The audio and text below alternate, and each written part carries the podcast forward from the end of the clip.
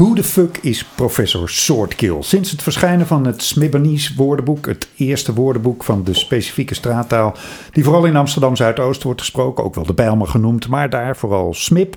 Sinds dat woordenboek hangt die vraag als een enorm vraagteken boven Amsterdam en Nederland. Lezers van NRC Handelsblad hebben in ieder geval het afgelopen jaar nader kennis kunnen maken met deze raadselachtige geleerde. Via zijn wekelijkse column, waarin hij de niet ingewijde wijzer probeerde te maken over de grondbeginselen van zijn taal, het Smibbanese. En nu zit hij tegenover me, deze medeoprichter van de Smibbanese University. Dat is al heel bijzonder. Maar nog mooier is dat er een nieuw boek is van dit enigma: Smibologie, Each One, Teach One. Professor, welkom. Hallo, hallo. Um, u zegt in de begeleidende tekst: geloof ons als we zeggen dat je waarschijnlijk nooit een boek als dit tegen gaat komen. Wat maakt dit boek zo uniek? Uh, je kan trouwens gewoon je tegen me zeggen. En, uh, nou, daar heb ik bij professoren altijd ja, moeilijk mee. Dat hoor. snap ik, maar daarom ik ben een unieke professor. Okay. En in dat opzicht, ja, om ook meteen antwoord te geven op je vraag.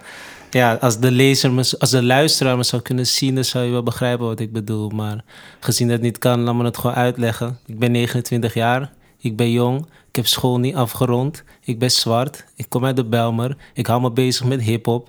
En ik heb een boek geschreven. En het is de derde. Ik denk dat dat al heel uniek is. Ja. En vanuit dat perspectief vertel ik ook over dat. Dus het is geen sprookje wat ik vertel. Of ik heb het niet over uh, hoe ik vroeger uh, ging buiten spelen of zo. Daar heb ik het ook over. Maar ik vertel eigenlijk vanuit mijn perspectief hoe ik de wereld bekijk. Hm. En uh, hoe de Smithsonian University de wereld bekijkt.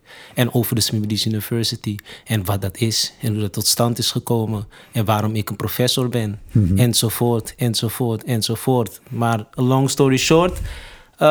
je gaat nooit iets als dit meer zien, denk ik, en hebben gezien. Omdat, ja, ik ben de eerste die het doet.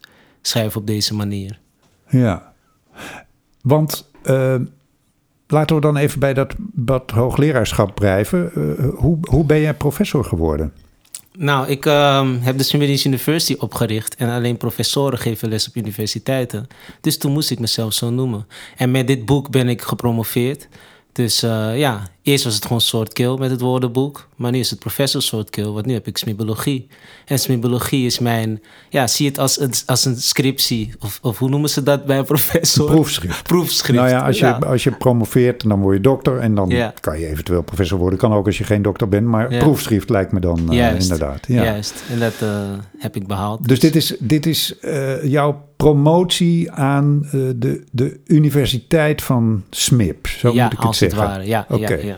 En wat is, als je dat uh, kan omschrijven, want daar gaat je boek natuurlijk over, dus het is altijd een beetje moeilijk vragen aan een schrijver. Vertel Ja. wat er in je boek staat. Maar ja, wat is, de, wat is de leerweg als je die in het kort zou moeten uitleggen? Um, Oké, okay, ja, de Swedish University is de School of Hard Knocks, om te beginnen. Wij leren vanuit de realiteit, vanuit ervaringen, vanuit andermans ervaringen. En wij leren niet vanuit de traditionele schoolbanken en boeken die daarbij horen. De Swedish University is eigenlijk um, onze benoeming van het eeuwige pad der wijsheid. Laat me het zo zeggen. En dat, um, ja, heb ik, het, heb ik nu antwoord gegeven op je vraag?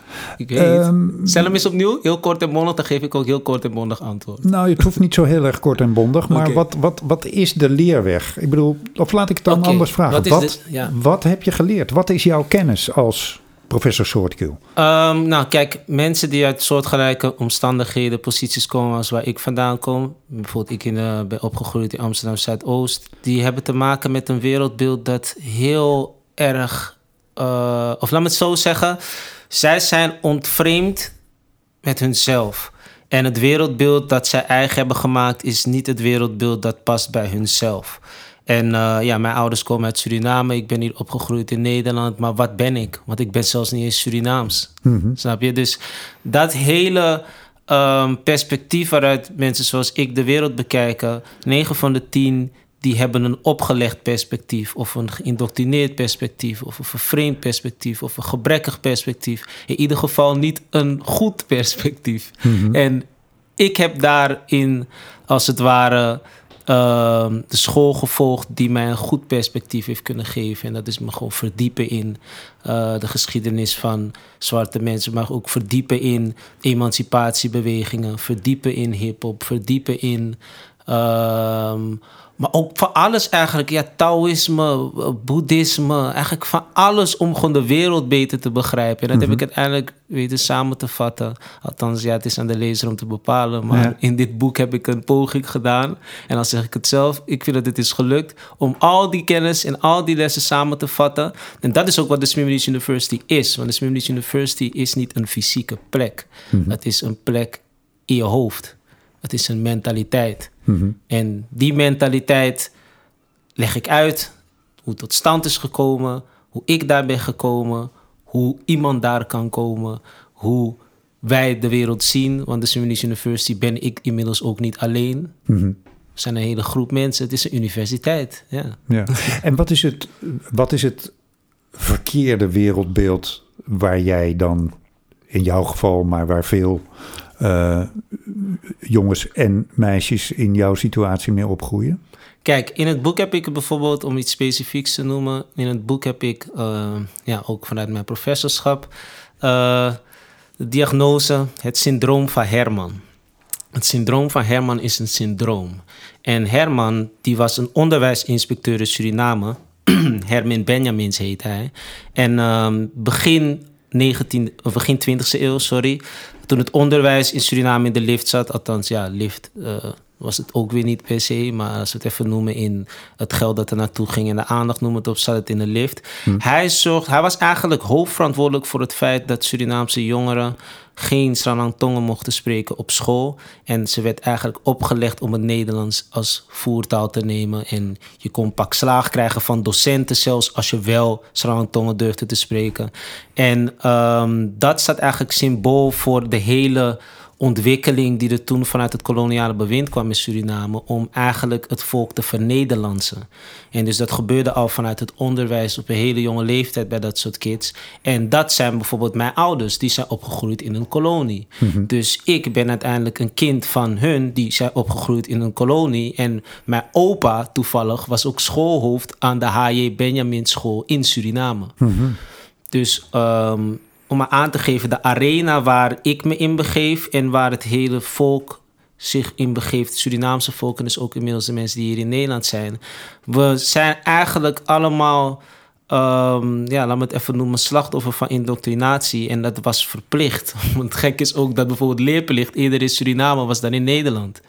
Terwijl het het Nederlands bewind was die ja, dat in gang zette. In ieder geval, het komt er dus op neer dat het wereldbeeld en wereldbeschouwing... alles wat ze hebben geleerd en hun werd opgelegd... en wat hun werd ehm, ontnomen... dat dat allemaal in het belang was van Nederland. Maar ja, ik ben wel hier geboren in Nederland. Ik heb ook een Nederlands paspoort. Maar ik ben geen Nederlander. Ook weer wel, maar ook weer niet. Snap je? Je bent een En- zwarte man Precies. met een Afrikaanse achtergrond Juist. via de slavernij in een toevallig Nederlandse kolonie Ja. terechtgekomen. En uiteindelijk moest je Nederlander worden. Juist. En het is allemaal gebeurd voorbij mijn bewustzijn. Want ik kom hier gewoon jong opgegroeid in Nieuw-West in eerste instantie. Maar dat is nog erger. Want weet je wat het dan is? Dan heb je niet eens door dat dit allemaal gaande is. En dat ehm, mijn voorouders dat hebben meegemaakt en dit en dat. En mijn ouders hebben me dit ook niet verteld. Dat zijn allemaal dingen die ik zelf ben gaan Nee. onderzoeken. En hoe beschrijf je die, die leerweg? Wat komt er allemaal eh, in langs? Want ik begrijp dat het voor jou begint bij de hip-hop. Ja. Hip-hop heeft me als het ware wakker geschud. Omdat je op een gegeven moment eh, luistert naar mannen aan de andere kant van de oceaan. die eh, in eerste instantie goede muziek maken. Maar op een gegeven moment, als je beter luistert, dan hoor je ook dat zij eigenlijk hetzelfde meemaken hebben gemaakt. En dat ze daar zichzelf als het ware uit hebben gedacht. In een Amerikaanse context. Juist, juist. Dat zijn gewoon Afro-Amerikanen. En dat is eigenlijk ook weer het gekke is. Ik zie eigenlijk heel weinig verschil tussen Afro-Amerikanen en Afro-Surinamers. We zijn beide gewoon, ja, een beetje verdwaald. en, en in dat opzicht kan ik dus ook heel veel gelijkenissen daarin vinden. En dan kom je er bijvoorbeeld ook weer achter dat voor het Harlem, ja, Harlem is New York. New York is de plek die uiteindelijk werd verruild voor Suriname. Heel lang geleden. En Harlem, en we hebben hier ook Haarlem. Snap je? Dus door dat soort dingen begin je op een gegeven moment gewoon te zien van... wow, er is een heel, hele oceanen informatie waar ik niet van wist toen ik opgroeide, maar waar mijn hele bestaan uit is gekomen. En die veel meer met jou te maken heeft dan Eda, Edammer kaas juist, of klompen. Juist, precies, precies. Maar toen ik op school zat, moest ik dat wel leren. Mhm. dus je bent als het ware bij voorbaat op een verkeerde spoor. Mhm. En je kan dus alleen maar verdwalen. Mhm. En uh, ja, de Swimmer's University is in dat opzicht een antwoord. Ja. Waardoor je weer op het spoor komt. Be betekent dat ook dat je uh, bijvoorbeeld beginnend bij de hip-hop, dat je terechtkomt bij uh, bijvoorbeeld andere emancipatiebewegingen in, in Amerika van, van Afro-Amerikanen, bevrijdingsbewegingen, Black Panthers, ik, ik, noem maar iets, Ja. Martin Luther King. Ja. Zijn dat allemaal elementen in jouw leerweg? Juist, dat zijn uh, de dingen waar ik op kwam, ook via hip-hop. En um, daarin ook gewoon beter hip-hop komen te begrijpen. Waar het in eerste instantie als jonge jongen zag ik gewoon mensen op tv waarvan ik dacht, hé, hey, die lijken op mij. Dat is een van de weinigen op tv, zeg maar. Hm. Maar along the way begin je te begrijpen van, oké, okay, er speelt heel veel meer. Het is meer dan gewoon een nummer. Het zit een hele cultuur achter. En op een gegeven moment kom je erachter dat die cultuur eigenlijk, althans hoe ik het heb begrepen en ook beschrijf in het boek, dat die cultuur een sneeuwbaleffect is van de Black Liberation Movements die in de jaren 50, in de 60, 70 heel actief waren. En dan heb je bijvoorbeeld de Black Panthers, maar je hebt ook de Nation of Islam. Je hebt Marcus Garvey, die de eerste was eigenlijk die op die manier het deed, of, of een Booker T. Washington, maar ook in Suriname wat daar gebeurde. Een Anton de Kom. Mm-hmm. Of een, uh, hoe, hoe de Wiegisani-beweging er was. Een Papa Koenders, een Eddie Bruma. Snap je? Dus op een gegeven moment zie je gewoon van... wow, eigenlijk elk land... of uh, bij Martinique bijvoorbeeld heb je Frans Fanon. Dus kortom, op een gegeven moment zie je dat eigenlijk... al deze mensen hebben het over hetzelfde. Het is alsof we allemaal een glas bekijken... vanuit allemaal een andere point of view... maar we kijken naar hetzelfde glas. Hm. En dat was wat ik op een gegeven moment begon te begrijpen. Toen was het van oké, okay, en... Maar dat moeten meer mensen weten. En, oh, daar is de Swedish University voor. Dus oh, laten we dat vertellen. Preach the gospel. Dat. Dus uiteindelijk, um, ja, wat, wat, wat voor boek is het dan um, geworden? Is het, is het een zelfhulpboek geworden voor mensen zoals jij? Is het, is het een lesboek geworden? Is, ja, het, een, is het een autobiografie? Hoe zou je het zelf omschrijven? Ik omschrijf het als het lesboek van de Swedish University. Want als ik het anders zou moeten omschrijven, dat is heel lastig. Want als je denkt dat het een zelfhulpboek is, dan kom je ergens ook weer van een koude kermis thuis. Want dat is het niet. Er zijn ook heel veel dingen waar ik over vertel die helemaal niks te maken hebben met zelfhulp. Hmm. Maar ik ga ook niet vertellen, het is autobiografisch. Want er zijn ook heel veel dingen die niet te maken hebben met mij. Hmm. Dus op een gegeven moment begon ik gewoon te begrijpen, er zitten gewoon zoveel vormen in dat het gewoon is wat het is. En het is gewoon een boek. En het is non-fictie. Dat is de enige label die ik erop kan plakken. En het is smibologisch. Hmm. Smibologie Ja. heet het dan ook, van uh, professor Soortkil. Dankjewel. Ja. Het verschijnt in augustus bij uitgeverij Pluim. Gelukkig.